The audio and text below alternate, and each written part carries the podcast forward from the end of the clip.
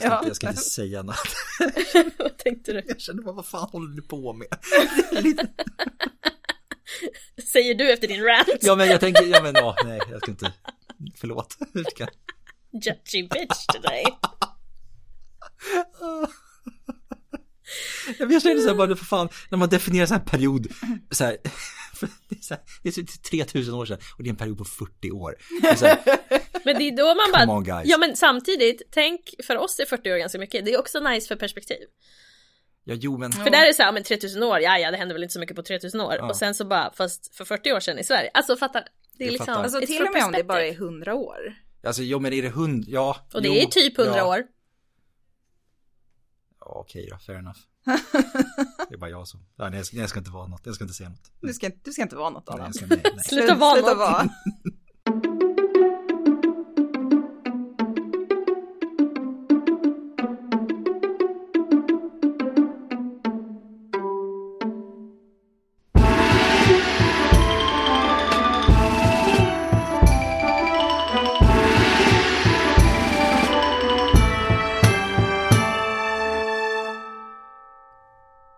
Välkomna till Podius Castus, en podd om antiken. Vi som sitter här idag är jag Angelica Jag Adam, Och jag, Emily. och idag så ska vi prata om någonting så litet som en hel civilisation. Tiny, Tiny, Mm. the tiniest. absolut. Eh, kanske inte jättelitet, men vi ska hålla det ganska generellt. Eh, försöka ta oss igenom så mycket som möjligt på så kort tid som möjligt. Eller ja, Lycka till säger jag, det är vi. Men eh, vi har blivit bättre på det, skulle jag säga. jo, men det, också- har vi nog. Det har precis, vi nog. vem är det som också som har gjort de längsta avsnitten by the way? Jag förstår inte vad du menar. Nej. Peka inte finger på någon här, absolut Nej. inte. Jag känner mig inte alls ut, ut eh, Jag sa inget, jag sa inga namn. Nej, du gjorde inte det. Nej. Jag vet inte vem du pratar om. Mm. Nej, Mm. nej, inte jag heller. Ja. Eh, vi ska inte prata om vilken civilisation som helst, utan vi ska prata om mykenarna och det mykenska Grekland. Mhm. Mhm, Mhm. mhm. Och eh, ja, mykenska Grekland. Yes. Det var den sista fasen av den grekiska bronsåldern. Ja. Mhm. Ja. Och jag är väldigt förtjust i bronsåldern. Jag tycker det är väldigt trevligt. Det gör du. Du är ju Mm. ty- den enda greken av oss. Mm. Alltså intre- intressemässigt nu. Om man säger så här, vi- i, inom de som inte har, de som har pluggat antikens kultur och samhällsliv, they know. Ja. De som inte har gjort det så kan vi bara förklara lite snabbt att det finns ju en, vad ska man säga, kanske inte en hård uppdelning men en generell uppdelning mellan de som kanske fokuserar mer på romarriket och de som fokuserar mer på Grekland. Mhm. För att det blir lite, Och då kallas vi grom- romare. och då blir man romare eller grek Ja. Ja. beroende på. Jag, jag sa Eh, grommare. Grommare. Om man gillar båda är man Ja. grommare. Det, är också, det kan också vara ett brott. Så man kanske inte kan gå runt och säga det på Nej. stan vad det Nej. menar. Nej, jag, är- jag är speed dating liksom. Hej, jag är Men grommare, jag är typ. grommare. Men sen har man ju också en uppdelning som grek då. Brons, bronsåldersgrek Mm. eller typ klassisk grek eller hellenist. Ja, för Det är en inte jäkla många som är skillnad. arkaer. Nej, Nej, det är det inte. Nej, för det är den där skillnaden mellan vart, i och med att historieskrivningen börjar någonstans. Mm. Vilket gör att man får en ganska så, alltså, tydlig skiljelinje i var den historiska arkeologin börjar. Mm. Och vart det är så att säga bara inom citationstecken arkeologi. Absolut. Det Så var- ja, Angelica gillar grekerna, Ja. Hanna gillar egypterna, Mm. vi gillar romarna. Fast jag gillar romarna också. Jag gillar grekerna med och Egypten, men eh, Men romarna är bara lite bättre. romarna är lite bättre. Speciellt eh, de två första århundradena efter vår tideräkning. Ja. Romarna är så unhinged. Ja. det är det som Ja, är... men det är ju det, de Ja, men är det, helt är, det crazy. är ju det som är roligt. Ja. Ja, men de är fucking crazy. Ja. Okej, tillbaka Anyway, till... eh, mykenarna. Ja. Angelica tycker om grekisk bronsålder. Och det gör vi med. Ja, Ja. kanske. Kanske. Du Jo, vet inte gör. Jo, men det gör vi. Vi kan, vi kan återkomma efter vi har eh, pratat klart så får vi se vad eh, Adam tycker om bronsålder. Ja, men Har, jag har kan- han ändrat Jag kan, jag kan tycka om det. Ja, du kan tycka. Blunda och tänk på något annat. Gud. Eh, Ska vi starta avsnittet också? Jag vet inte. Ja. Nej, men de som lyssnar gillar väl att lyssna på när vi rantar, absolut. Uh. Ber om ursäkt för den, det får vara kvar i avsnittet. Nu kör vi. Nu kör vi. Ja. ehm.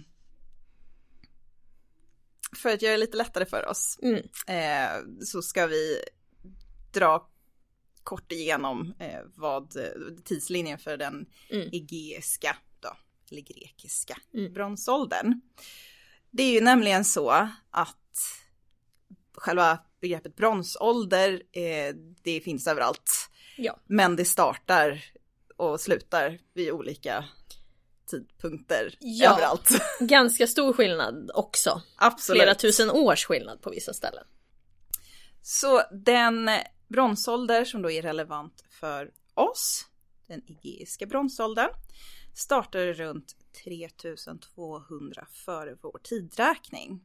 Och den startade i och med att eh, civilisationerna eh, som levde då, de påbörjade ett långväga handelsnätverk.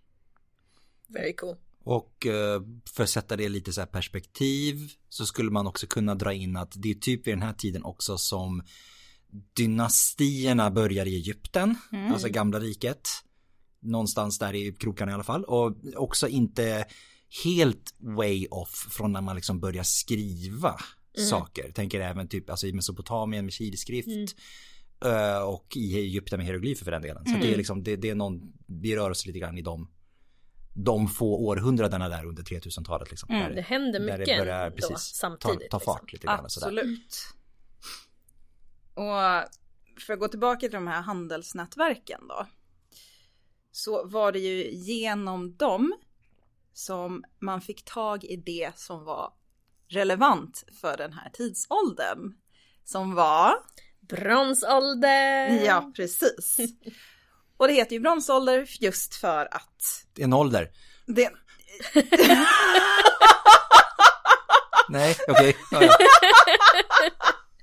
ja din ålder, men jag tänkte just på brons. Ah, okej, jaha. Ja, okej. Det var så här, din ålder. Good call. Ja, Ja. Så entusiastisk. ja. ja. En guldstjärna till Adam. Ja. Eh, men brons i alla fall. Eh, brons är ju en legering eh, av framförallt koppar och tenn. Det kan vara annat än tenn, men tenn är liksom det vanligaste. Och en legering är alltså en sammansättning av en metall och någonting annat. Oftast en annan metall, Ja. men det går också om det är något annat. Och koppar då, det fanns bland annat på Cypern. Eh, inte jätte i närheten, men i närheten ish. Men tenn var inte lika tillgängligt. Mm. Och fanns inte i lika stor mängd heller. Så när man väl började med de här handelsnätverken så fick man tag i eh, ja, både då eh, koppar och då tenn. Och då kunde man börja producera brons. Undrar vem det var som bara Vi smälter ner det här och ser vad som händer. Jag, jag kan ha helt fel, men jag har för mig att från början kan det ha varit, eh, heter det, meteoriter som träffar jorden? Mm. Det, det heter Visst är det, jo men visst är det det. Ja. Ja, När, när det slår ner i backen är det Ja. meteorit. ja, precis. Att det är eh, metall från dem. Ah. Men don't take me on my word. Men jag har för mig att jag läste det någonstans. Att man, man börjar liksom med så här, okej, vi har hittat den här metallen. Eh, och sen så försöker man efterlikna det. Alien. Det är inte helt Aliens. eh, orimligt faktiskt. Nej, Och Gud vad- vad intressant. Och när vi ändå är inne på tenn. Eh, Storbritannien. Fick man mycket tenn ifrån? Mm. Eller har, var i alla fall under antiken en källa för det. kanske inte just nu. Kanske inte just nu kanske. Nej, Var det Spanien också man fick tenn ifrån? jag för mig det. Något sånt? Att det är, det är i alla fall liksom på väg mot Atlanten oavsett. Ja. Mm. Nej, men jag har för mig att det var typ så här, äh, ja men eh, Storbritannien, Spanien, någonstans Mellanöstern kanske? Mm. Jag har någon form av karta i huvudet.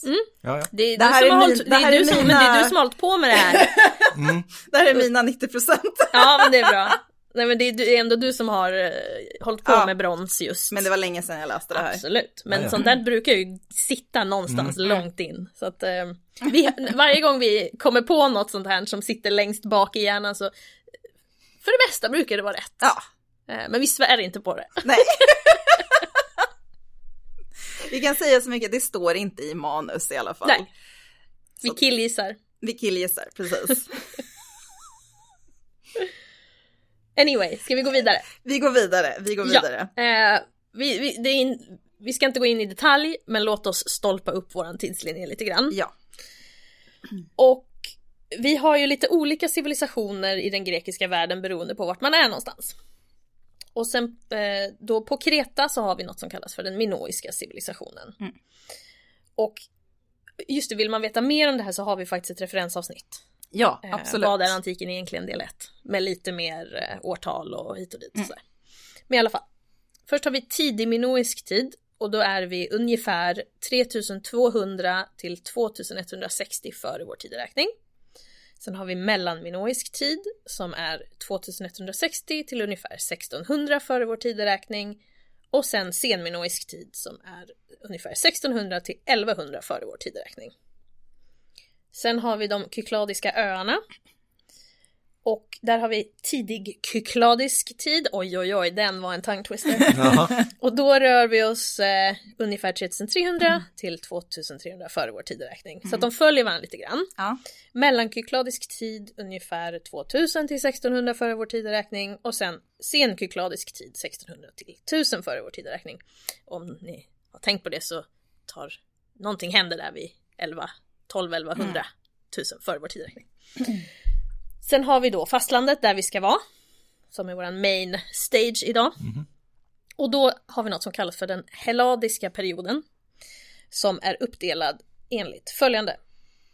Tidig helladisk tid, 3200-3100 ungefär, till 2050-2000 före vår tideräkning. Mellanhelladisk som är 2000-1900 fram till 1550 före vår tideräkning ungefär. Och senhelladisk tid 1550 till 1050-ish före. Och de här årtalen, de har ju förmåga att hoppa fram och tillbaka också. Det, ska vi säga. Ja, Det, är, Ja. det finns ingenting här som är hugget i sten. Nej. Utan det här är ju bara liksom, vad ska man säga, generella uppskattningar Mhm. b- baserat på Ja. fyndmaterial och såna här saker. Liksom. Mhm. Det är ju verkligen så här, it's a guessing game. Jo. ja. Eh, Man, man har de generella eh, tiderna och sen så kan man hitta andra. Mm. Alltså googla så hittar du Ja. tre olika. Gud, Och, det är verk, och det är verkligen bara ett sätt för oss idag att försöka få någon form av förståelse för kanske när någonting ändras. Precis. under- Ja, exakt. jag menar, Ja. menar mellan 2000 och 1800 före vår tideräkning. Inte så att de själva bara wow. Nej, ja, Nu har det exakt, hänt precis. något, så och nu så, de, när liksom, vad ska man säga, typ så här, år 2160 så firade man inte, woho, nu är vi inne i mellanminoisk tid liksom, Nej. gjorde ett stort fest av det. Exakt. Det, Det, det är för, för vår skull. ja, absolut. Ja. Och den fasen vi ska hålla oss i. Eh, det är ju då som sagt bronsålder på Greklands fast, fast, Faski. Faski! Bronsåldern på Greklands fastland. Ja. Eh, och då, vi kallar det för den mykenska perioden. Som är ungefär 1750 till 1050 före vår tideräkning. Så att 700 år ish. Mhm. Ja, och det ska vi sammanfatta på, ja. Hur lång tid tror vi att avsnittet tar? Kanske Ja, en och en någon, halv kanske. ah, någon timme. Vi har gjort värre tror jag. Ja. Ja. 700 år är inte så mycket egentligen. När allt kommer omkring. Nej, det tror jag inte. Och mykenarna då, de representerar den första grekiska civilisationen på det grekiska fastlandet. Eh, Det här är ju långt innan vi har ett, egentligen ett Grekland att tala om. Ja, absolut. Eh, Men det är också igen vi idag som försöker så att säga make sense av det förflutna. Ja, Eh, Så det är vi som projicerar bakåt helt enkelt. så det är liksom inte, ta det inte som det, det moderna, alltså Nej. en, en, en exakt tidslinje från Mykens tid till det moderna Grekland. Nej, nej, nej, det är det absolut inte. Nej. Eh, Så okej, vi, mykenarna då, de hade en uppenbar kontakt med andra civilisationer. Bland annat den då ganska närbelägna minoiska, eh, som är på Kreta. Eh, Och det är en civilisation som med tiden blir ganska så avancerad. Eh, Och det som är speciellt med mykenarna, det är att de lämnar efter sig så ganska så speciell och fantastisk konst. Eh, De har ett skriftsystem. Eh, De har någon form av central, alltså jag men, statlig organisation, centralstyrt lite grann sådär. Eh, Och ett palatssystem. Palatssystem tar vi lite senare med Ja, detalj, mm. men vi kan konstatera att det finns i alla fall. och vi ska säga det att när, även fast vi pratar om just Mykene så är det inte enbart en plats på det grekiska fastlandet vi pratar om när Nej, vi menar precis. den mykenska civilisationen. Utan det är ett flertal med städer, olika liksom maktcentra på eh, Peloponnesos, i, eh, även i centrala Grekland, i Thessalien.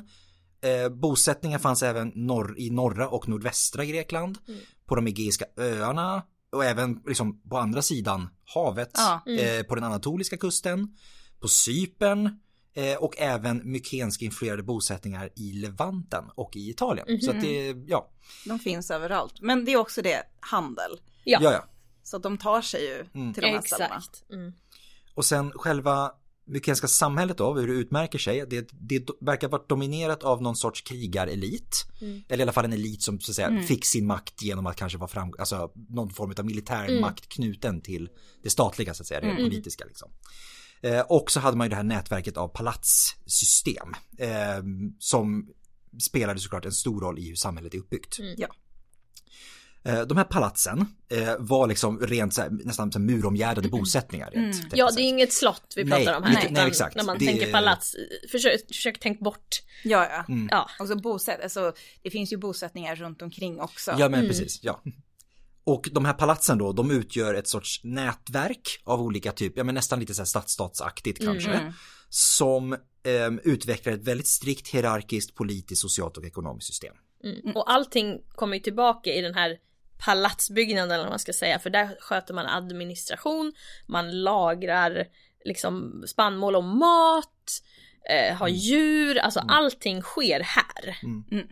Det är där man samlas typ. Precis. Det är som, jag menar, massa, jag menar, alla de här publika byggnadsfunktionerna i ett, lite så. Och Ja. dessutom makt, alltså, både, vad ska man säga, hur ska man jämföra det kanske? Vad blir lättast, typ så här, stadshuset, slottet och, ja lite massa, massa sådana här saker Ja. i ett på något sätt. Ja. I alla fall. Verkligen. Eh, den som styr alltihopa det här, det är då den mykenska kungen. Eller ja, kungarna av de här olika samhällena. Mm. Ja. Eh, de kallas för wanaks. Och den här styrande personen, kungen, hade en sorts bredare struktur som ex- existerade runt omkring honom. Vilket i princip var då liksom de som styrde i palatsen. Så. Och sen fanns det också en administrativ elit runt det här. Så att det, det, det, finns, det finns lager i alla fall Ja. utav eh, olika hierarkiska strukturer. Absolut. Men nu går vi tillbaka till lite mer kronologi. Mm. Vi gillar kronologi. Eller gör vi det? Jag vet inte om vi gör det. Men Just under bronsåldern är jag lite ambivalent till det hela måste jag säga. Eh, det kommer ni som lyssnar också förstå varför. Just under bronsåldern är jag lite ambivalent till denna kronologi. Ja. ni kommer förstå. Den är, den är lite komplicerad. Eh, det är ingenting som man lär sig i första taget. Eller någonsin. Eller något, jag tror jag skulle nog aldrig kunna rabbla. Nej, Nej. gud. Man lärde det sig en gång och sen... Jag tror, lärde du det en gång? Nej, jag lärde mig ish. För det kom på något prov minns jag. Ja. Frågan om jag inte. Ah, nej. Men ja, nu ska vi i alla fall. Nej, prata om något som är lite roligare än själva år, års, årtalen här.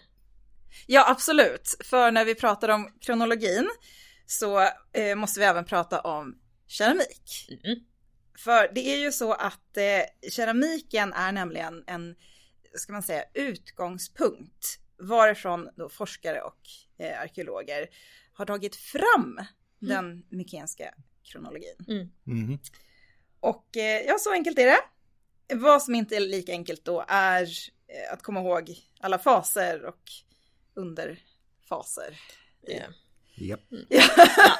Nej, men, så det, som har, det som har hänt är att man har hittat en massa keramik. Ja, Sen har man listat ut då att viss keramik är tidigare än annan keramik. Ja. Och så har man sett någon sorts utveckling i den här keramiken. Mhm. Eh, och sen har man då lyckats koppla keramiken till vissa århundraden och, Mm. och, und- och sen har man också kunnat såklart göra kemiska analyser eh, senare. Mm.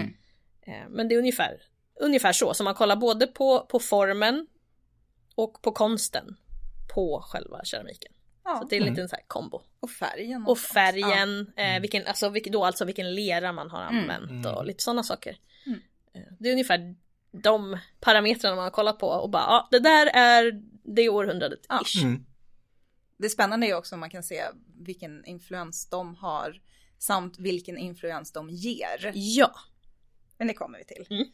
Vi nämnde ju att den mykenska perioden börjar ungefär eh, 1750. Mm.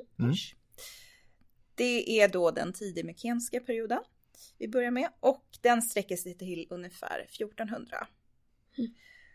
Forskare, de verkar ganska överens om att den eh, mykenska civilisationen eh, uppkom och utvecklades från eh, en lokal både social och kulturell gemenskap som fanns i den här tidigare eller mellersta bronsåldern på det grekiska fastlandet. Och att de just då var influerade av eh, den minoiska civilisationen. Mm. Influerade eller alternativt att det faktiskt var någonting mer. Mm. Ja, att det kanske var minoer som... Ja men det, det, det har ju kommit någon ny forskning nu. De var ju lite släkt. Eh, Man har ju lyckats DNA-testa vissa eh, Precis. kvarlevor och sådär. Och det är ju någon viss procent minoer där. Men det är inte så konstigt. Alltså det, det, jag vet inte om det är något så här modernt påfund att tro att folk ska ha levt i någon sorts vakuum. Och isolerade från varandra. Speciellt när man vet hur stort handelsnätverket är. Det är klart man har gift sig med varandra, flyttat. Of course. Eller liksom hantverkare som har flyttat. Ja. Och, ja men det, Ja, ja. det är inte så konstigt. Jag skyller på kulturarkeologin. Men det, det, är annat, det är ett annat avsnitt, tänker jag kanske. Jag som rantar om kulturarkeologi. Men gå, nu vill jag höra. Ja men kulturarkeologin, alltså du vet, det tidigaste, det tidigaste paradigmet inom den arkeologiska forskningen. När man, när det blir ett for, en forskningsdisciplin av det, så behöver man ju någon sorts metod, alltså metodik och teoretiskt ramverk att samlas kring. Och då blir det det här kulturtänket. Att man har ett ja, en, man definierar en arkeologisk kultur Ja. baserat på en specifik materiell kultur. Mm. Och så fort den materiella kulturen dyker upp någon annanstans, då pratar man om att eh, den här, det har skett någon form av diffusion, att den här kulturen har så att säga rört sig. Det är liksom, det är hårda gränser. ja. Det finns ingenting mjukt och det finns ingen nyans i det hela. Eh, och sen har vi, det är därifrån vi får, det är därför ingen heller, ska säga, kulturarkeologin dog ut. I takt, dels så dog den ut efter andra världskriget för att det fanns delar av den som kanske inte var riktigt kosher längre. Eh, och sen dog den också ut i och med att man helt enkelt, man körde fast och insåg att ja, men materialet börjar faktiskt, när vi tittar på materialet så reflekterar faktiskt inte det det här teoretiska ramverkets verklighet, Ja. om man säger så. Ehm, men eh, jo, det jag var inne på var att det är ju härifrån sen vi också får uttrycket högerkulturer. Ja. Eh, för att i det här så fanns det ju självklart vissa kulturer som var eh, så att säga, bättre, mot, vissa, vissa kulturer var, vad ska man säga, eh, givare och andra var mottagare. Ah, ja, ja. ja. Eh, för- och det var ju då såklart de man ansåg vara de lite finare, bättre kulturerna med då så att säga mer vad man då, själv, vad man då definierade som mer utvecklad materiell Ja. kultur. Det var ju självklart de som var högkulturerna som gav ifrån sig bara åt de mindre utvecklade kulturerna som Ja. bara tog emot. Eh, och då, ja, så det är inte så svårt att förstå varför det, man sen, kör fast. För att förr eller senare så hamnar man i någon sorts återvändsgränd rent Ja, eh, teoretiskt. I det där. Eh, så att jag, jag skyller på kulturarkeologi när det Ja. kommer till det här med att man tänker hårda gränser mellan olika former utav eh, Men- antika samhällen. Absolut, jag tror det, det går ju in i, i skolan också hur man lär sig historia i skolan. Ja, absolut. Jag- hur många tänker på, om man ja, men tänker typ julevangeliet, när, när de bara ah, kejsar Augustus lät alla skattskriva så, så Josef och Maria bla bla bla. Ja, det är alltså den Augustus. Ja. Roms första kejsare. Ja. Eh, Skattskrivning som dessutom inte sker när Nej. Jesus egentligen ska fötts. nej, men det hela, nej. Men att folk inte kopplar. Och det är bara en, en utav eh, det, evangelierna som säger det också. Ja, det andra evangeliet säger något annat. Ja. Men just man kopplar inte kristendomen med Rom fast Nej. Rom blir kristendom. Ja, men precis. Ja. Så, så att, ja. Det var, ja, jag, jag, jag, vi hänger alla med på den ranten kan jag säga. Men kulturarkeologin är kul för den kan man prata mer om. Det, det, är Mm. också, det går också igen med hela de här alltså, snacken om, eh, vad heter det, eh, mycket pseudoarkeologi lever Mm. fortfarande kvar i någon sorts kulturarkeologiskt paradigm. Ehm, och även alltså, när man plockar upp det igen. Jag menar, jag vet vi pratade om det i um, Platon och Atlantis avsnittet också lite grann i slutet. Just att det här, hela tanken du vet på en, en överlägsen civilisation som gör någonting för en mindre, Ja. ö- under, alltså en underlägsen civilisation helt enkelt. Det är ju en tanke som kommer direkt från kulturarkeologin, Mm. eh, det, alltså det första paradigmet. Och det är liksom hela alien, alltså ut, Ja. eh, forntida astronauter-grejen Ja. är helt och hållet bara saxat Mm. från det tidigaste övergivna arkeologiska paradigmet. Mm. Att man tänker sig att ja, men här kommer en, en överlägsen kultur och ger åt en underlägsen kultur och Mm. ger dem förutsättningarna för att sen liksom höjas upp och sådana saker. Och det är exakt det vi har att göra med Ja. i de här tidiga, tidiga arkeologiska Och det gäller ju också då bara, nu ska vi, kommer vi tillbaka till något annat. Det gäller ju också bara folkslag då som inte är vita. Ja, men det, Det ska ju också väldigt noga. Och det man ska komma ihåg att kulturarkeologin var ju inte utvecklad för någonting annat heller för Nej. den delen. Det var ju en, väst, det är ju en västerländsk dominerad. super racist. Ja, ja, hjälp ja. Och färgad av den tidens uppfattningar av, eh, jag menar, av, av människor som såg annorlunda ut såklart. Mm. Så det var en lång, förhoppningsvis ganska så sammanhängande rant om, eh, ja, varför man inte ska fästa alldeles för stor vikt vid just de här hårda Nej, ja. gränsdragningarna mellan antika, eh, eller forntida över- överlag, eh, samhällen, civilisationer. Nej men precis. Men just det där att eh, här är det ju ingen som, som är liksom högkultur Nej, nej. sedd, utan Nej. Det, det är verkligen ge och ta. Jo. Mm. Eh, och det är ju liksom minorerna Mm. som är en kultur som börjar lite tidigare och sen Mm. så mykenerna som Mhm. utvecklas. Och man ifrågasätter, ja men hur har de utvecklats, var kommer Mm. de ifrån? Eh, och då ser man väldigt mycket liksom Mm. av minorerna hos dem. Även om de är sin egen liksom kultur. Mm.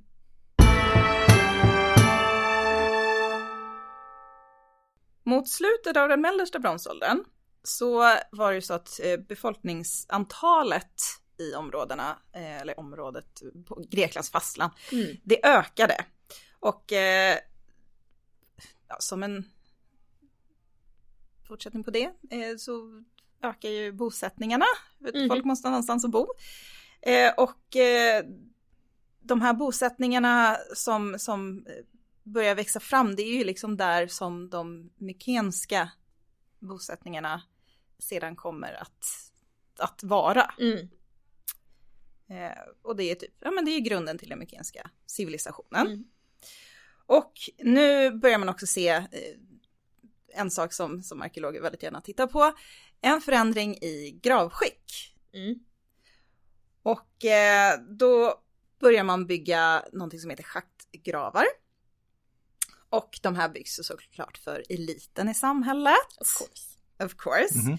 Och eh, mot slutet av den här begravningsperioden, eller vad man ska säga, Mm. så började en, en ny eh, sorts begravning att utvecklas, också för eliten då såklart. Jag kan inte ha någon jävla schaktgrav längre. Nej, precis. ute.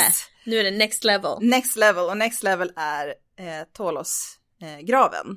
eller bikupegraven, det är Mm. ett beehive. Just det, tomb. ja. Jag vet inte. Jag vet inte om det heter, heter det bikupegrav på svenska? Jag vet, Jag vet inte. inte. Men det ser ju ut Tål- som en bikupa. Det gör det. Mm. Tårosgrav är snyggt annars. Ja, det är, det. är snyggt, det är snyggt. Men om man säger bikupa så vet man ungefär Mm. hur den ser ut. Liksom, Mhm. Man går in i den, den är liksom superhög, eh, det är stora, det är stora gravkammare. Mhm. Ja, det är, det är liksom, man vet att det är lite om man säger så. Det är inte blygsamt någonstans. Nej. Det är en stor rund kammare och jäkla högt typ takvalv liksom. Ja, Mm. Och bara boom, här är Ganska jag. snygga också för de är väl byggda i avsatser liksom i ja taket. precis. Så det är som så här, ja, vad ska man säga, inverterade trappor. Ja, just det.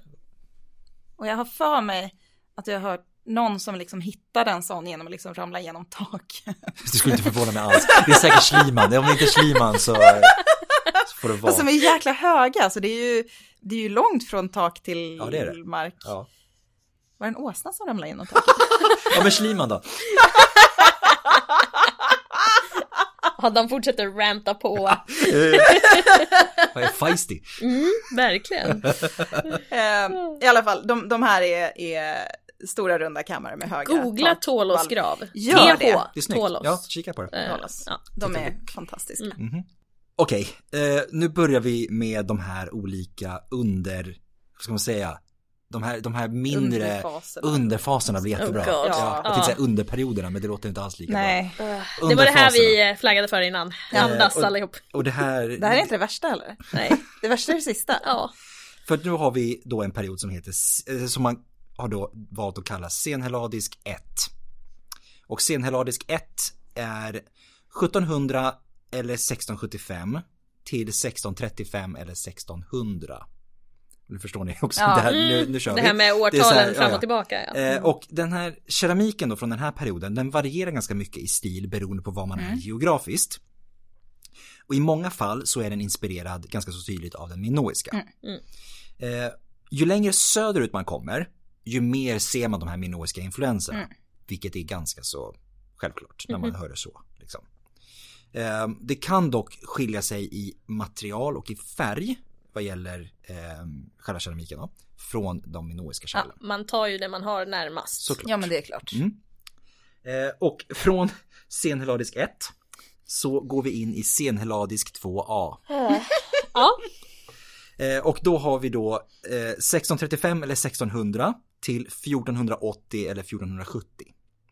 Och nu börjar man se en lite mer fin keramik dekorerad med färg och en mer så att säga enhetlig keramisk stil börjar hittas på Pelop- Peloponnesos. det är också ett tecken på att handeln ökar. Då. Ja, precis. Lite tätare kontakter sådär. Centrala Grekland har dock fortfarande den här helladiska keramiken som inte visar till mycket influens av den minoiska. Ungefär 1500 till 1200 så har vi eh, den mellersta eran, för att göra det ännu mer komplicerat, som kallas för Koine-eran. Och det är nu de här palatsen kommer. Mm.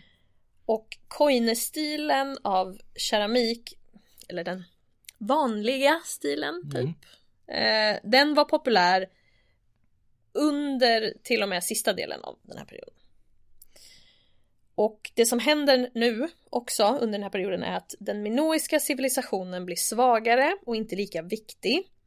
Medan den mykenska får mer makt Mm. och mer inflytande.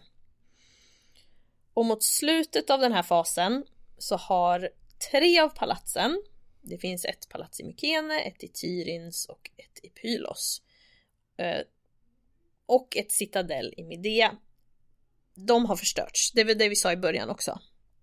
Eh, att nu när vi börjar närma oss tusen, alltså vi är inte riktigt där än, men nu börjar det hända grejer liksom.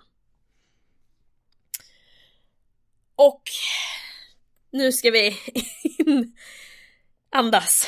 Nu ska vi in i det. Den eh, keramiska kronologin för den första delen, det är eh, senheladisk 2b. Då är vi 1480-1470 till ungefär 1420-1410. Och här börjar man se en specifik stil i keramik med begränsad typ av form. Ingen minoisk influens här och eh, det är snarare minoerna som har börjat använda mykensk keramik som referens. Nu har vi Mm. switchat runt här. Och sen då, då går vi till senhelladisk 3A1. det är, ja, jag tänker, inte ens, jag tänker inte ens kommentera. Häng med nu. Jag tänker jag ska inte säga någonting. Nej, alla som nej. har hört introt vet vad jag tycker om det. Ja, ehm, ja. Senhelladisk 3A1, 1420, 1410 till 1390, eh, 1370. Det är väldigt korta tidsperioder vi pratar här. Men det händer grejer i keramiken. Det är, de, det är därför vi nämner det liksom. Ja. Eh, och här ser vi en skillnad eller en förändring i hur den formas. Och den här formförändringen sker hos dryckeskärlen som får en förlängd stam och en mer grund skål. Bland annat. Ja.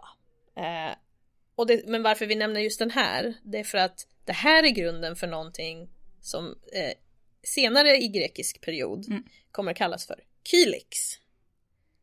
Och vad är en kylix? Glugg, glugg, glugg. Det är ett dryckeskärl. Ja! Okej, ska vi fortsätta? Ja.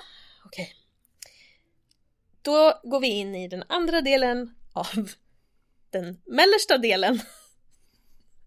Även kallad palatsperioden. Men nu händer det ju lite grejer i alla fall. Nu, precis. Nu, nu blir det ju, nu finns det ju, eh, eh, ja, ni vet Minona. Det är ju en sitcom som väntar på att göras. Minoerna. Eh, de, de hade ju sitt palats på Kreta, Mm. Ja, de, man ser i alla fall spår av en stor förödelse Mm. eh, på det här minoiska palatset. Och minoerna var på väg ut. Och eh, nu börjar ju mykenarna liksom komma, komma upp lite i, i världen.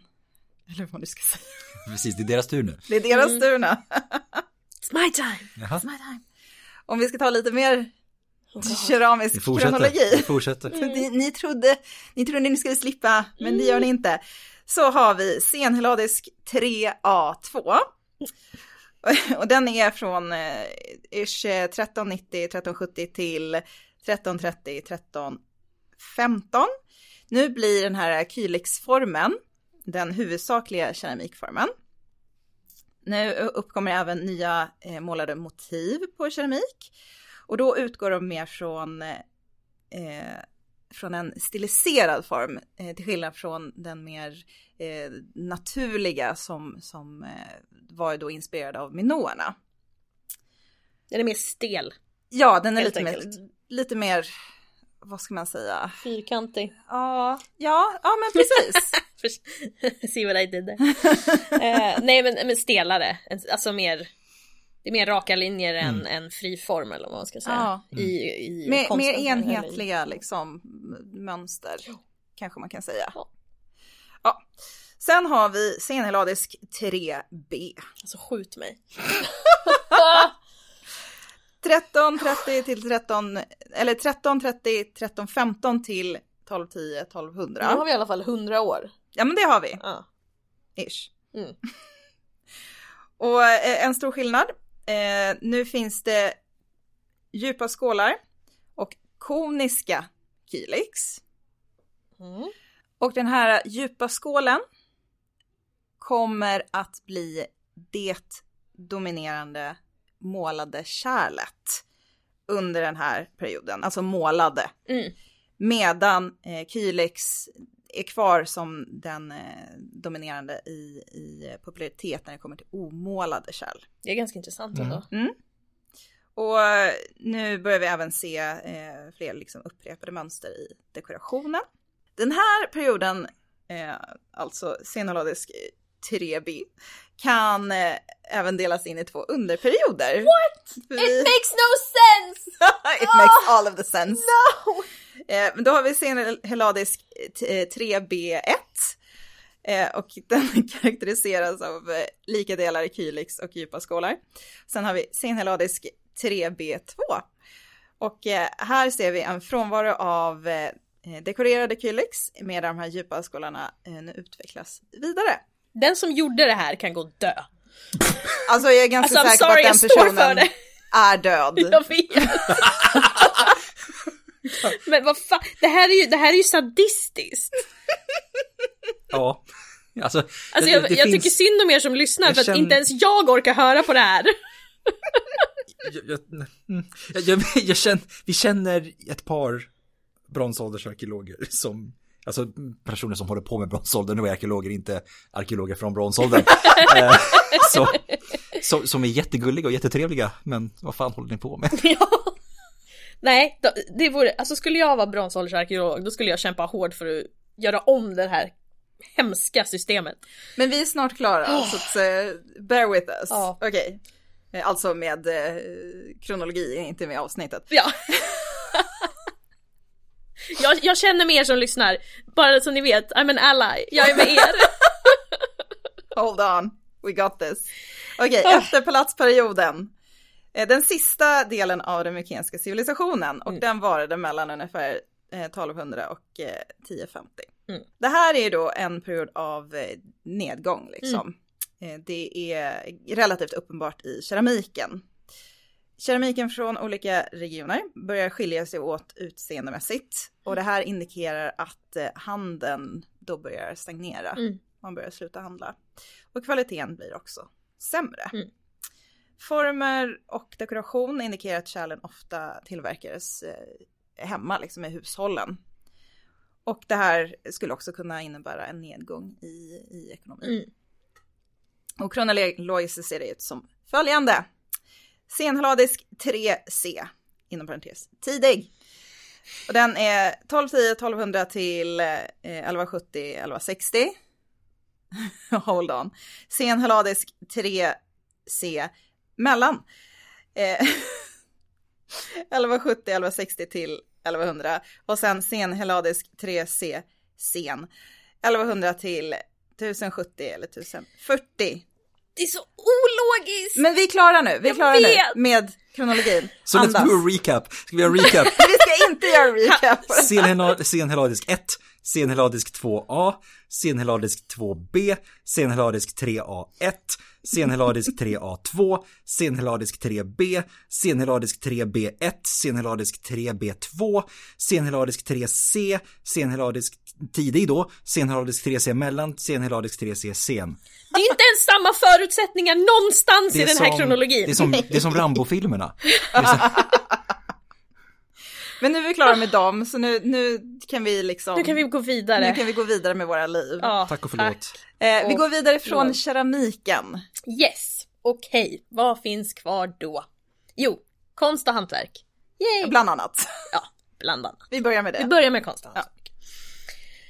Och precis som hos keramiken så ser vi mycket influenser av minoerna. Och i vissa fall så har man argumenterat att eh, hantverken faktiskt har producerats av minoer och sen tillhandahållits genom handel. Vi kan ju inte säga varken bu eller bä, men det är väl troligt att det är någon sorts kombination, Ja. skulle jag säga. Och när det kommer till skulpturer då har vi lite mindre format. Eh, figurer eller figuriner. Mm. De är oftast gjorda i terrakotta. Och de finns på nästan alla mykenska platser. Oavsett om det är hittat i gravar, i bosättningar eller i någon sorts eh, kultkontext, alltså Mm. religiösa sammanhang. Liksom. Och det som är spännande är att majoriteten av de här figurerna är kvinnliga. Och ja, säga vad man vill om det, det är coolt. Ja. Väldigt fascinerande. Ja. Sen då eh, har vi freskmålningar. Och här, även här var mykenarna influerade av minoerna. Och eh, återigen då målades eh, de här freskerna av minoiska freskmålare. Eller, och stilen utvecklas allt eftersom, eller hur var det liksom? Men det är ungefär det man tror. Ska vi prata lite skrift då? Låt oss. Vi har även, det finns lertavlor med skrift. Och vad har vi då för någonting att göra med? Jo, det är linjer B som det heter. Ja. Och linjer B, det är en stavelseskrift. Och det är alltså då en skrift där varje symbol representerar en stavelse. Och den här användes för att skriva mykensk grekiska på. Eh, mykensk grekiska? Ja. ja, det var lite. Eh, och det är då den tidigaste formen av det grekiska språket. Den är, ett- den är ju då flera århundraden äldre än det då väldigt mycket senare grekiska alfabetet. Och de tidigaste exemplen på linjer B är från omkring 1400. Och anledningen till att det heter linje B, det är att det utvecklades från linjer A, vilket då användes av minoerna. Linjer B, den har man kunnat tolka, men än så länge, eh, så att alla som lyssnar, ni har fortfarande chansen, eh, ingen har lyckats knäcka linjer A än. Tror vi att det blir AI som gör det eller? Ja, precis, exakt. Linjer, Alltså, A, linjer AI är det som löser Ja. alltihopa. Mhm. Eh, linjer B, den knäcktes 1952 av en engelsk arkitekt vid namn Michael Ventris. Och han baserade sina efterforskningar på forskning gjord av Alice Cober som var en amerikansk klassicist. Här har vi i alla fall gett en kvinna liksom Ja. the cred she is due. Mhm. Vilket är trevligt. Japp. Eh, linjer B då, det har 87 bokstäver, över 100 ideogramsymboler. Jesus, alltså. Eh, och medan bokstäverna då representerar stavelser så representerar ideogrammen ord eller begrepp. Så man kan man blandar lite grann. Ja, alltså då, det kan man ju säga inom matematik så använder man väldigt mycket ideogram. Mm. Eh, Först och främst siffrorna, men typ som, som eh, bokstaven pi, Mm. eh, den vet man ju inom matematik, det är liksom 3,14. Mm. Fast en massa Och mer massor, siffror. massor, massor mer. Ja. Mm. Ja. Ehm, ja. Och linjer B den hittas i huvudsak i palatsarkiven. Och den användes trolig, troligtvis främst i en administrativ Mm. kontext. Precis, man skriver inga långa berättelser här utan Inte, nej, inte i huvudsak i alla fall. Nej. Utan det viktigaste är att hålla koll på vem som, vem som kom in med vilka får och hur många får och ja, i hela den här, hur mycket säd vi har Mhm. och sånt. Ehm, och i och med att palatsen sen förstörs och palatskulturen dör ut så upphör även den här skriften att användas. Men det var ju också på grund av att palatsen förstörs och kanske sätts i eld. Ja, ja. som de här eh, tavlorna bevaras. Det är ju Mm. så de liksom, eh, jag tänkte säga kokas, men det är fel. ja Bränns. bränns. Ja, Det blir varmt oavsett. Ja. Men kanske inte så bra att koka lertavlor. Det är inte så mycket kvar då. Nej. Så det är ju också, och by the way, det är ju tips för eh, framtida julbak. Det är ju inte jättelångt kvar. Eh, pepparkaksdeg. Göra linjär B-tavlor. Gör, Ja. gör jättefina eh, skrifttavlor. Ja, det måste vi göra. Vad har vi mer då? Vi har ju faktiskt också städer. Ja. Alltså de här lämningarna i form av arkitektur och bosättningar. Mm. Och vi, vi ska inte säga jättemycket om den mykenska bostadsarkitekturen, men ehm, traditionen fortlöpte, alltså som vi, som vi sa innan det här med att de här bosättningarna utformades och sen blev det mykenskt. Eh, samma var det med själva alltså, utformningen av bosättningarna som sådana, att de fortsätter. Alltså de ser ungefär likadana ut. Eh, både vad gäller utformning och eh, geografisk placering då. Och materialet man använde var lertegel. Och... ja, man tog vad man hade liksom. Ja men precis, man, man gör ju det. Och sen eh, på vissa byggnader så hade man faktiskt bränt taktegel också. Mm. Så det är ganska advanced Mm. ändå. Mm. Ganska häftigt. Men då den mest typiska arkitekturen, eh, och det vi pratat lite om, som gäller Mykena, det är de här palatsen och de här fortifikationerna. Och här, vi nämnde det lite tidigare, men man hade bosättningar i Mykene. Om ni inte har varit där, åk dit. Det är, Det är fett coolt. fantastiskt. Mhm. Ja. It's cool, Eh, it's cool. Tiryns eh, och eh, Tyrus kan man också åka till, det är också häftigt. Och Pylos väl? Ja, jo, det kan man göra, men jag har inte Ja, varit i Pylos, jag nej, kan inte nej, säga men- något om det är häftigt Nej, eller nej men inte. Ty- Tiryns är också väldigt häftigt. Ja. Ja. Det är det. Eh, och alla de här ställena uppfördes på väldigt eh, högt belägna platser. Och det var dominerande i landskapet. Alltså Mm. man, man ser det. Det är också ganska mäktigt när man faktiskt går in i Mykene genom den här lejonporten. Ja, men Myken är snyggt, det ligger på en kulle mitt mellan Ja. två Ja, det är jätteberg. fantastiskt. det är så jävla, ja det ser ut Ja. som Det- någonting det- ur liksom en saga. Ja, gud ja. Mm. De visste hur de skulle bygga om man säger så. ja, ja. Ehm, fortifikationerna var väldigt nära sammankopplade med just den här typen av eh, palatsbyggnader eller palatsstrukturer Mm. eh, på fastlandsgrekland. Om vi pratar själva tekniken då för de här fortifikationerna så har vi eh, en typisk teknik som kallas för kyklopisk. Mm. Och eh, det, som, det som kännetecknar den det är att det är byggnader som, som byggs av stora obearbetade stenblock som är mer än 8 meter tjocka och som kan väga flera ton. Mm. Då är vi lite eh, liknande problem som vi har, bara, hur byggde Egypterna pyramiderna? Mm. Fatta, 8 meter sten! Ja, gud ja. Liksom. Mhm. Det är insane. Ehm, och de sammanfogades inte då med någon form av puts eller någonting utan de kallmurades. Ehm, ungefär om man tänker typ äldre kyrkogårdsmurar i Sverige. Mm. Mm. Ehm, så man fyller istället mellanrummen med mindre stenar. Mm. Och sen så placerar man de här stenblocken och utformade, alltså man utformade liksom ett polygonalt eh, mönster. Så att de liksom stöttade varandra helt Mm. enkelt. Ja, alltså fatta tekniken för det. Ja, Mm. Det är, eh, it blows my mind. Men det, ja, det är ju därför de kallas så här kyklopiska. Det är ju verkligen så här, de, de, så här, Aliens. de, ja precis, aliens. Men de måste ha Jag viskade byggts säkert, av, jag viskade det en gång tidigare, men jag vet inte om det hördes. men liksom de, de resonerar, de måste ju ha byggts av, av eh, cykloperna. Ja men precis, exakt. Ja. Mm. Ja. Och, ja. Jättar. såklart. Mm. Det här kan ju inte Ja. byggts av vanliga dödliga människor. Nej, nej, nej. Det går ju inte. Och det är ju lite poängen också Ja. Mm. med att de byggde så här. För bygger man på det här viset, den här fantastiska typen av fortifikationer, storslagna liksom. storslagna, då, då visar man ju andra hur storslagen man är och Ja. hur mycket man kan försvara sig. Ja. Precis. Så här, don't mess with me, Jaha. blir det ju. Ja. Det är lite så här, ni kommer inte in genom våra murar. Det här, våra murar representerar hur starka vi är. Ja. Och jag menar, ja, 3-4 tusen år senare så står det kvar liksom. Så att, eh, Mm. Ja, det är inte Mm. dåligt. Men eh, har vi sagt A så måste vi säga B. ha, har vi sagt A så måste vi säga A1. B3. B3C. Nej. Oh. Fan vad vi är nördiga. Det är, Ja, lite, kron- kronologiskämt. Och vi, nej vi är inte alls torra. Alla har typ gett upp i den Jag tror det.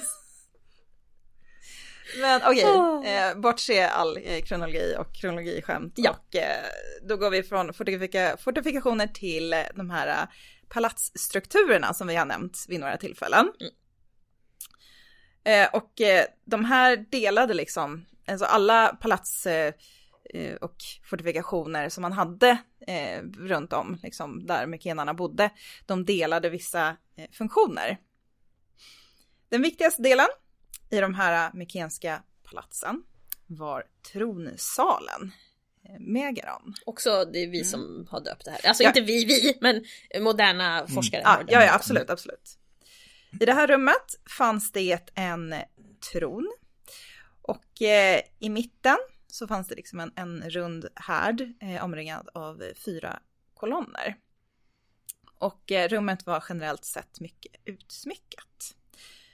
Och för att komma in till den här tronsalen så behövde man ta sig igenom en propylon, alltså en, en ingång. Ja, Mm. ja. Mm. en sorts ja, en dörr. Ja, Typ. ja precis. Eh, och sen så genom en, en gård.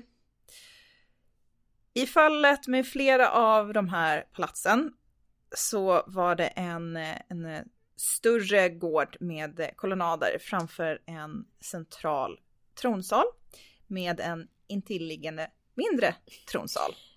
Runt tronsalen så fanns det en del eh, öppna sådana här gårdar med flera rum av olika funktioner. Och som du Emily nämnde förut, det finns liksom förvaringsrum, arbetsrum, mottagningsrum, bostäder, liksom allt gott och blandat. Mm.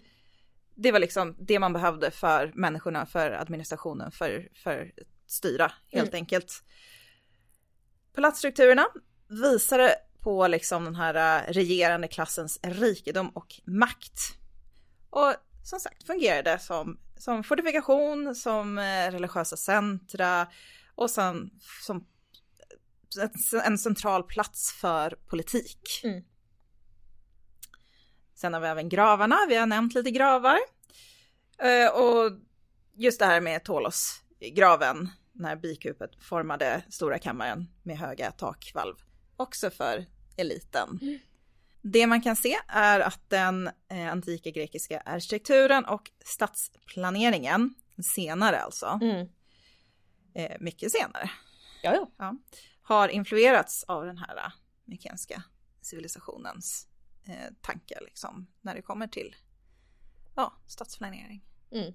Vilket är Men det är spännande, man skulle vilja spännande. veta hur mycket man visste. Alltså hur mycket, låt oss säga grekerna på 500-talet. Mm. Hur mycket de visste om mykenarna på 1000-talet. Men jag menar, det finns ju, det finns ju spår av mykenarna i Aten. Alltså det, det var ju liksom en Mm. av städerna som fanns. Så det är ju inte helt otroligt att säga att de hade liksom spår Mm. kvar. Mm. Visst? Och visst, nu minns, jo men visst var det så att det, på Akropolis var det, jo men det var det, på Ja. Akropolis var det bronsålderspalats också. Precis, Mm. Yes. helt naturligt. Ja, såklart. Ja. Mm. De, så att okej, de, de visste, de, det här är ju en som vi sa, en continuation. Ja. Men det skulle vara coolt och så här, fa- fatta att de här, för det har ju gått, allting har ju kollapsat. Det var flera år, hund, hundraden av så här, den mörka tiden. när man inte har något skriftspråk och Exakt. man har mindre samhällen Mm. och så här. Undrar vad de tänker. När de tittar på de här Mm. strukturerna. Ja. men det är, alltså egentligen är det inte helt Nej, i och för sig, det är inte lika lång tid kanske, men alltså det är inte helt off ändå att kanske jämföra med typ renässansens syn på antiken. True. Möjligt. Alltså det, det Ja men i och för sig, för, för, för- där du Ja. har liksom, för någonstans går man ju ändå från att leva bredvid det här varje dag Mm. till att bara fan vad coolt. Varför har jag inte tänkt på det här förut? För, om man, om, Ja. för så var det ju. Ja, för att alltså antika byggnader var liksom inkorporerade i modern, eller den dåtidens Mm. moderna byggnader. För man hade så här, ja men man använde eh, delar av en mur som en vägg på ett hus. Ja. Och det var bara så det var, för det finns, ju, Mm. det finns ju ritningar och målningar på det här. Mm. Men fatta den människan som bara så här. Wait a minute. Började tänka efter lite grann. Exakt. Ja. Så det jag undrar om de bara så här. Ja, ja, den har alltid varit där. Ja. Eller om de bara wow. Ja, ja det är Ja, ja. Det spännande. är nu man skulle vilja kunna Ja. och, tids, göra tidsresor. Ja, Om man kan få komma tillbaka. Så länge jag får komma hem ja, god. Herregud, annars har jag aldrig. vilka städer har vi då förutom, eh, förutom Aten? Nu Ja. vi nämnt Aten. Eh, vi, har, vi har gått igenom några av dem men vi, Ja. kan, Ja. vi kan i alla fall liksom, vi kan mer- samla dem på ett ställe. Ja, Eh, vi inte tar alla, vi tar bara några. de fyra viktigaste i alla fall. Mm. Eh, och, Eller de, de tre viktigaste, plus en som är en liten bonus. Ja okej, ja, ja, fair enough. det, absolut. Eh, Mykene, självförklarande. för- självförklarande. Eh, det är väl kanske den staden som man verkligen alltså, förknippar med mykenarna, såklart. Ja. eh, den ligger 274 meter över havsnivån i Argolis på den nordöstra sidan av Peloponnesos. Mm. Den ligger som ett litet, eh, vad ska man säga, det, det är ett väldigt tajt område av väldigt framträdande städer som Ja. ligger liksom som ett litet Ja. nätverk runt omkring. Förutom då Mykene så har vi Argos ganska nära, och ja, Tiryn's är inte jättelångt borta, liksom, Nej, så det, det, är ganska, det är ganska tajt liksom där. Och Mykenes eh, gyllene period var ju då runt år 1350 och liksom åren där omkring. Och under den här tiden så har man uppskattat att det bodde omkring 30 000 personer i då den, dels den fortifierade delen, alltså innanför murarna och i den, då den bebyggelse som fanns runt omkring. Det är en ganska stor stad. 30 000 är ganska mycket. Ja, verkligen. Alltså det är fasen större än där jag kommer ifrån. Mm. Och det är inte lika häftigt som Mykene heller. Nej, det är det verkligen inte kan jag säga. Inte lika fin utsikt kanske. Nej, nej inte heller. Och sen har vi en stad som jag nämnde i förbifarten när vi pratade om Mykene. Eh, Som vi även har nämnt några Som gånger. jag har nämnt ett par gånger tidigare också. Och det är då Tiryns. Ja. Eh, och Tiryns ligger ju precis som Mykene då i Argolis på Peloponnesos. Eh, och här har vi en ganska så väldigt högt benägen fortifikation. Eh, där människor har bott i väldigt, väldigt många år. Eh, 7000 år. Och runt eh, 1300 då så hade fortifikationen och den omkringliggande bebyggelsen en befolkning på omkring 15 000 personer. Mm. Ehm, och det, det är ju, om man säger så här, Tiryns och Mykene för den delen också är ju också väldigt starkt kopplade till Herakles. Mm. I, eh, för det är också det här man är inne på, just det här när man har en, en forntid att förhålla sig till på ett helt annat sätt. Så blir det också lite mytologi runt omkring det. Mm. Och man placerar sina hjältar i de här ruin, ruinerna lite grann så. De ruinerna som ser så magnifika ut i jämförelse med det som kom efter. Ja. Ehm, så blir det lite mytologi, mytologisering runt omkring det. Ehm, så att i Herakles har vi ju, beroende på vilken tradition man följer, så är ju, blir ju han sen första väl kungen i Tyryn som jag inte minns helt fel. Nej, det är Persefs kanske. Ja, ja, vi, hur som, lyssna Alla de på. här heroerna det, det, liksom- finns, det finns ett minisnitt om Herakles som man kan Mm. lyssna på om man vill veta mer. Ehm, han är i alla fall starkt kopplad till Mykene och Mm. Tiryns. Och Argos tror jag för den delen också. Det är, ja, de... Så att ja. Sen har vi också nämnt Pylos. Och eh, Pylos kallades för Nestors kungadöme. Och sandiga Pylos. Ja. Fy fan vad kul.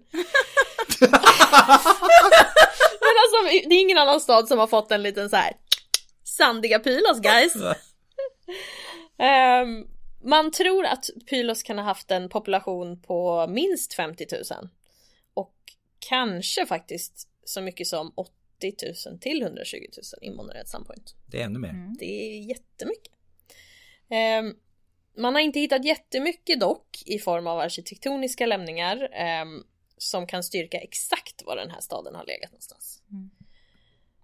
Och på sin höjd så är den väl delvis identifierad men ehm, man säger generellt att staden låg utbredd på en större yta. Och då är väl, det är väl därför man tror också att det har varit Så väldigt många mycket invånare. mer. Ja. Mm, precis, för att annars är det så här, ah, vi, vi höftade lite. Ja, men precis. Det har man i och för sig gjort ändå, men ja, ja, ja. om, om man tittar på yta versus då Mm. hur många som är logiskt kan bo Ja. på en yta, for sure.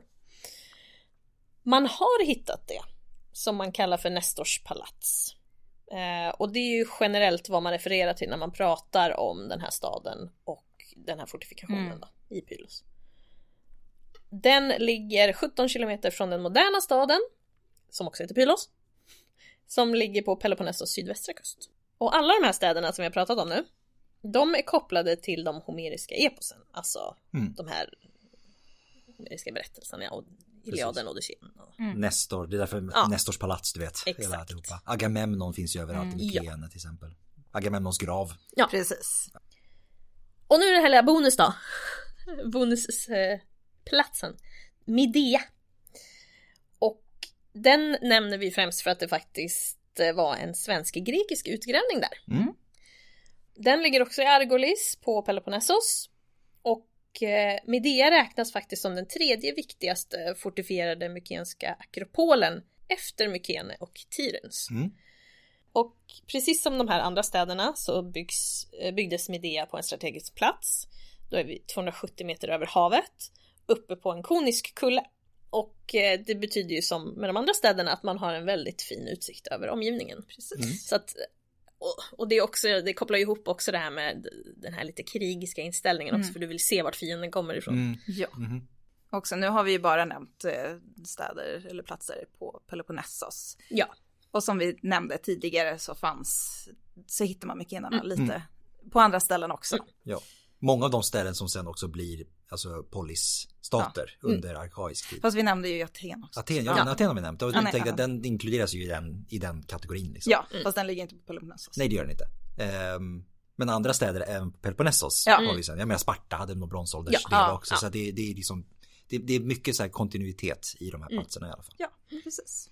Det är väl det vi ska. Vi kommer fram till. Mycket kontinuitet, Mm. det finns lite överallt. Mm. Eh, vi nämner bara de här fyra. Ja. Ja. Fem. Mm. Med Aten. Ja. Men, de, men vi kan ju i så fall konstatera att de andra, de, de följer gemensamt mönster i alla fall. Mm. Ja. Med fortifikationer, högt belägna oftast. Det finns ett centralt, alltså palats och såna här Mm. saker Mm. liksom centralt då. Ja. Ska vi prata lite religion? Religion. Det är alltid lite trevligt. Mm. Ja. Eh, det är, alltså tempel och helgedomar, Mm. det är vi ganska vana vid klassisk, eller arkaisk klassisk tid och framåt. Mm. Mm. Men på mykenska eh, arkeologiska platser så är det väldigt ovanligt att hitta.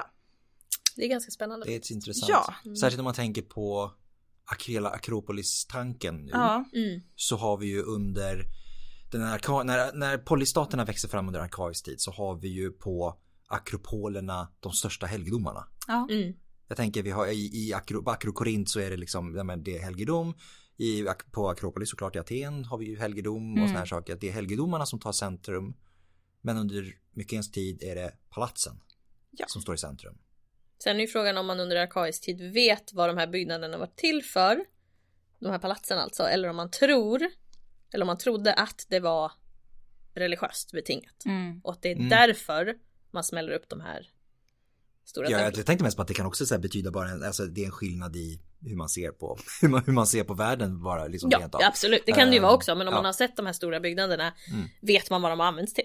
Ja, nej, det är inte alls nödvändigt. Nej. Nej. Men man kan i alla fall säga eh, de här monumentala traditionen, den, den fattas Mm. på alla centrala palats platser Mm. förutom Mykene. Mm. Vi skrattar åt palats. Palatsplatser. platser. Det är faktiskt ganska kul. Men just eh, den här eh, ja, monumentala kultiska strukturen i Mykene, den verkar väl lite senare också. Mm. Från ungefär 1200. Mm. Sen är det ju väldigt svårt att spåra Ja, ja, absolut. i, i ett arkeologiskt material, religion och ritual för den delen. Ja. fast man, det finns ju en förkärlek att dra till med det. Ja. Mm. Men det är otroligt svårt att spåra det för att det kan ta sig så otroligt många olika uttryck som Ja, men inte syns i Ofta ett... så är det ju tolkningar helt Ja, enkelt. och det, det är ofta liksom sådana, det är mycket, alltså det är traditionsstyrt, det är Ja. liksom, det, det är ett det är ett immateriellt på ett helt annat sätt än vad som, och det, det är inte nödvändigtvis att sånt syns. Men Nej. det vi har, Mm. det är i alla fall mindre sådana här shrines, Ja, vad? typ helgedomar, Mm. fast inte helgedomar, alltså de är ju, det är ju små, små tempel. små ja, men, ja. men typ små tempel, eller vad Ja. man ska säga, Ja. kanske inte tempel, men små Offer... eh, offerplatser. Ja. ja. Mm. För sä- säger man helgedom så tänker man som större, Helged, allt är ju helgedom i tekniskt sett, alltså så Ja. man tänker Mm. så, men, men ja. men det här är liksom mindre, Mm. Mm. i mindre format. Mm. Ja. Eh, komprimerad kult. Ja men typ. Ja, men absolut. Tänker mig såhär legoversionen av... Ja, men man har hittat mindre liksom kultplatser. Ja men offerplatser Offer- eller ja. Offerplatser, ja. Ja. I, i Aisine, Berbati, Malti och Pylos. Här fick Mm. ni fler mykenska platser. kasta på! Ja. I, eh, och- och så har vi skrifter också Mm. och i, eh, vi har ju inte bara eh, linjär B med, eh, eh, ja, vad heter det, listor Ja. över Nej, saker. nej, utan- även fast det är vanligast så nej. Ja, det är vanligast, Mm. men vi har en hel del med tavlor och Mm. eh, i vissa skrifter, Lena B-skrifter, så finns det omnämnt en del eh, helgedomar så att vi vet att det fanns eh, dedikerat åt eh, flera olika gudomar i, och då kan vi säga helgedomar, det kan vara mindre format, Mm, mm. eh, dedikerat åt flera olika gudomar i Pylos och på Knossos, Mm. som också, Knossos togs över av, mykinnarna tog sig ju dit. Mm. Samt eh, eh, så finns det information om flera olika religiösa festligheter. Plus att det i skrifter från Mykene finns omnämnt olika präster och prästinnor som ansvariga för olika eh, helgedomar och tempel. Mm. Mm. Ja, eh, och speciellt de här prästinnorna då, ska vi nämna. De var väldigt viktiga i samhället och kvinnor hade en viktig roll i religiösa festligheter. Och om vi pratar om gudar då, Mm. mykenska gudar, så har vi en del som man sen kan också se i det senare klassiska, alltså arkaiska och klassiska Mm, Grekland. Eh, Men det är ju såklart svårt att sätta någon form av likhetstecken dem emellan. Mm. Eh, Men man kan säga att rent generellt så var det samma gudar som man då, eh, alltså sen, samma gudar som senare som man också dyrkade Mm. i den mykenska världen. Mm. Eh, Även om det då såklart kunde finnas några lokala varianter på det här också. Ehm, Så att i, och det kan vi då spåra rent alltså språkligt och se vad som, alltså det här, här, är- här är liksom samma, samma namn som dyker upp fast i en annan tappning. Eh, Så vi har Zeus och då har vi Diwe eller Diwo. Och det kan man ju kanske liksom på stavningen bara liksom tänka så här, Ge- Geos, Geos, Zeus, Mm. ja. Jag som sitter och försöker återskapa det är helt eh, otroligt. Nej, ja. Ehm, men han är inte den högsta guden. Nej. I den här. Mm. Utan det verkar snarare som att det är Poseidon som är det. Ehm, Poseidao eller Poseidavone. Hur man nu Mm. vill uttala det. Eh, verkar ha haft en mer, mer framträdande roll i Mm. alla fall än vad Zeus hade. Eh, Poseidon var under den här tiden ktonisk. Alltså jordisk, underjordisk Det är gud. spännande tycker Ja. jag.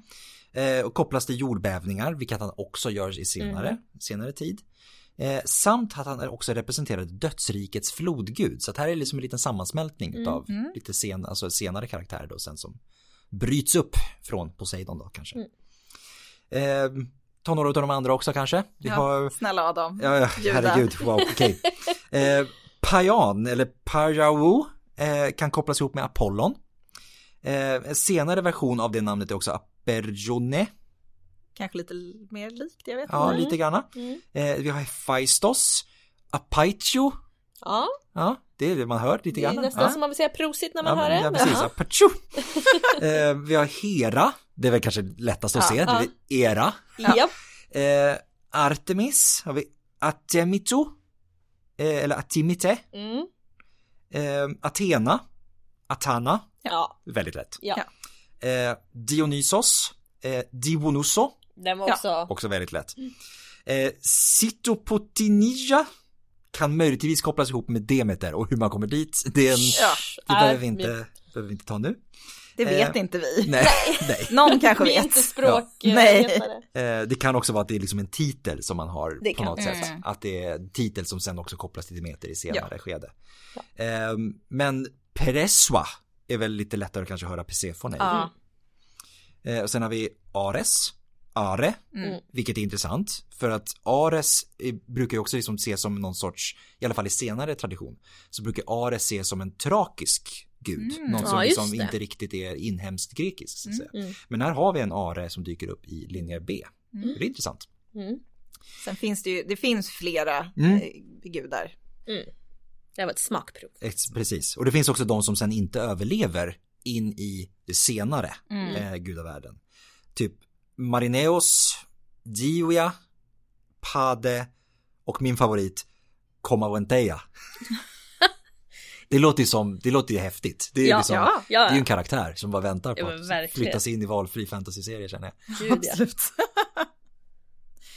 ja, så eh, har vi blivit klokare över vilka mykenarna eh, var. Om vi bortser från eh, kronologin så ja, kanske.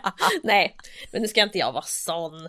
Jo, alltså det, det var ju den första avancerade civilisationen som levde på platsen vi idag kallar Grekland.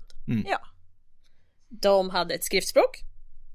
coolt. De hade, det var coolt. Ja men det är coolt. Mm. Ja. De hade städer. Mm.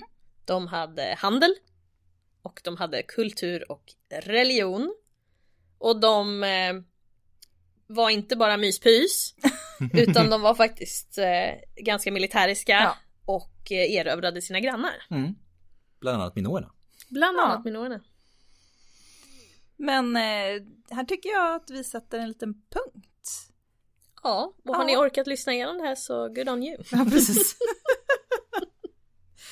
Som vi sa i början så det finns ju otroligt mycket att hämta från den mykenska tiden.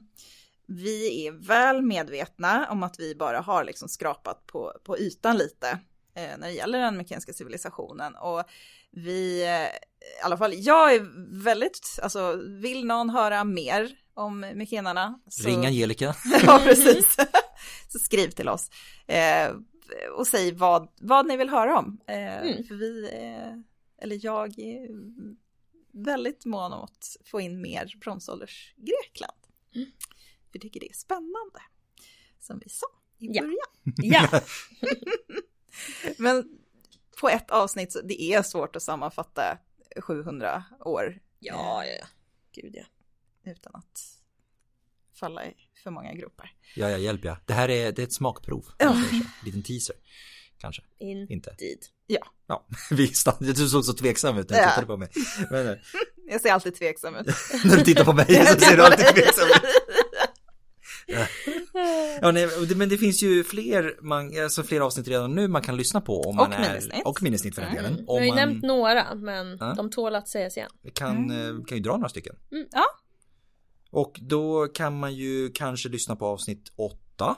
För där har vi Heinrich Schliemann. Som Adam har trashat flera gånger idag. Ja. Inte flera gånger, det var en gång. En sammanhängande gång. Det är två gånger Mm. på kort tid.